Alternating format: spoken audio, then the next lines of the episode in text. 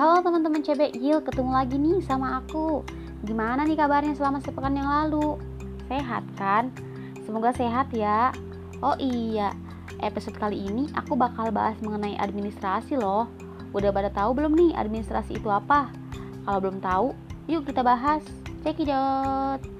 Jadi, administrasi itu merujuk pada kegiatan atau usaha untuk membantu, melayani, mengarahkan, atau mengatur semua kegiatan di dalam mencapai suatu tujuan. Jadi, administrasi itu tergolong menjadi tiga bagian. Yang pertama, administrasi negara, di mana administrasi ini untuk mengatur urusan yang bersifat umum di suatu negara.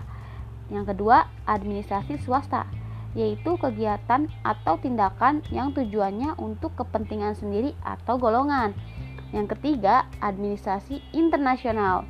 Jadi kegiatan ini dilakukan oleh organisasi-organisasi internasional untuk memenuhi kepentingan negara anggotanya. Mungkin cukup sekian ya uh, tentang administrasi dari aku. Ketemu lagi minggu depan. Cekidot.